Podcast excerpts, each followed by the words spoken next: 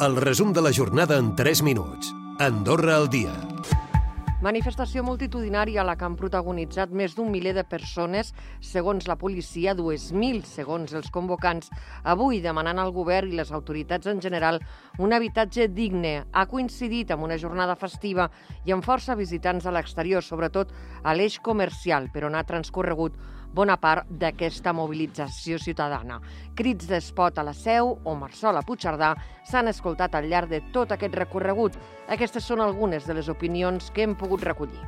Tinc molts amics que, que els han fotut fora del pis, que no tenen on anar, que s'han d'anar del país. Tinc una nena amb 18 anys que vol ser independent i no pot. Estem en una situació límit, les famílies ho estan passant fatal i no hi ha dret que hi ha gent que estigui vivint tan bé i gent que estigui suportant unes condicions de vida tan insufribles. No, no es pot seguir així. Ens estan manifestant per interpel·lar a la classe política que activin canvis, ja que és possible, és senzillament una qüestió de voluntat. És el moment de que, de que, el, de que la gent del carrer surti a queixar-se de que no estem contents amb el que s'està fent.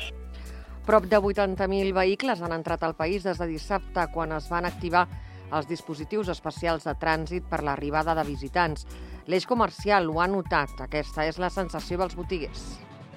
La veritat que és un pont que hi ha moltíssima gent i la veritat que ve amb ganes de comprar. O sigui, estan fent ja el, el que són els regals de Nadal i la veritat que està sortint bastant bé. Hi ha bastanta gent, ja només cal mirar al carrer, hi ha bastanta gent, però jo sempre dic el mateix, no miro gent, miro bosses. I aquests clients, la majoria espanyols, que a més d'esquiar, també aprofiten la Puríssima per fer compres nadalenques. Hem vingut a passar uns dies aquí, 3 o 4 a l'hotel, i de pas ja fer unes compretes, preparar-nos per Reis festius. Per esquiar no, però per vindre a fer compres això de Nadal, regals i tal. Més aviat alguna compra i això, passar el dia, dinar i llavors al tard de vespre doncs en tornem allí. Compres i perquè ens agrada molt Andorra en Nadal és, és, és superxulo. Inaugurada la Fira de Nadal d'Ordino, que es podrà visitar fins diumenge.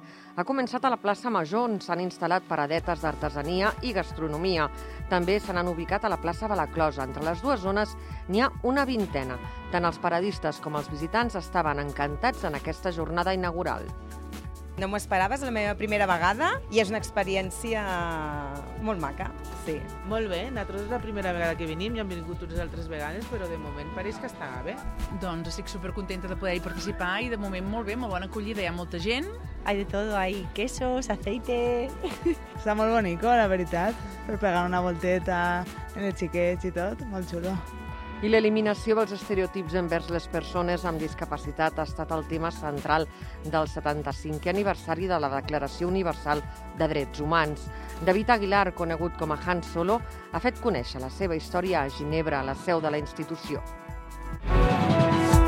Recupera el resum de la jornada cada dia a AndorraDifusió.d i a les plataformes de podcast.